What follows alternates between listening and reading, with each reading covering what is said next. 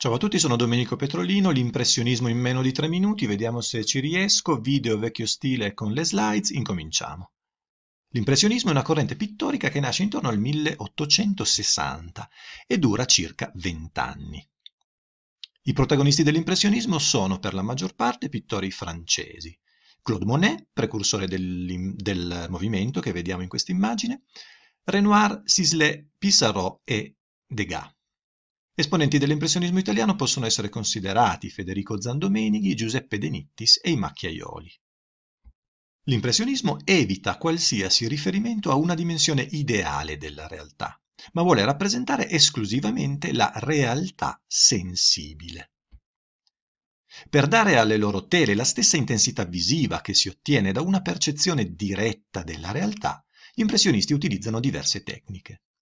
La prima fanno uso di colori puri, la seconda non usano il chiaroscuro, la terza accostano colori complementari per esaltare la sensazione luminosa, la quarta non usano mai il nero, la quinta colorano anche le ombre. I pittori impressionisti realizzano spesso i loro lavori non negli atelier ma direttamente sul posto, pratica che viene definita en plein air e che è dettata dalla volontà di cogliere tutti gli effetti luministici che la visione diretta fornisce. La scelta dei pittori impressionisti di rappresentare la realtà cogliendone le impressioni istantanee li porta all'esaltazione della sensazione dell'attimo fuggente. La realtà infatti muta continuamente di aspetto la luce cambia istante dopo istante e la pittura impressionista intende trasmettere questa sensazione di movimento. Altra importante novità della pittura impressionista è quella di rappresentare principalmente gli spazi urbani, soprattutto quelli parigini.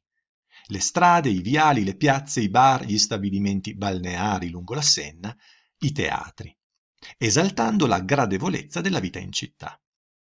Fino a quel momento, infatti, la città era vista come una sorta di luogo infernale, malsano, resa tale dalle conseguenze della rivoluzione industriale. Molto bene, questo è tutto, ce l'abbiamo fatta, due minuti e mezzo. Grazie infinite per aver guardato questo video, fatemi sapere cosa ne pensate. Ciao a tutti e alla prossima.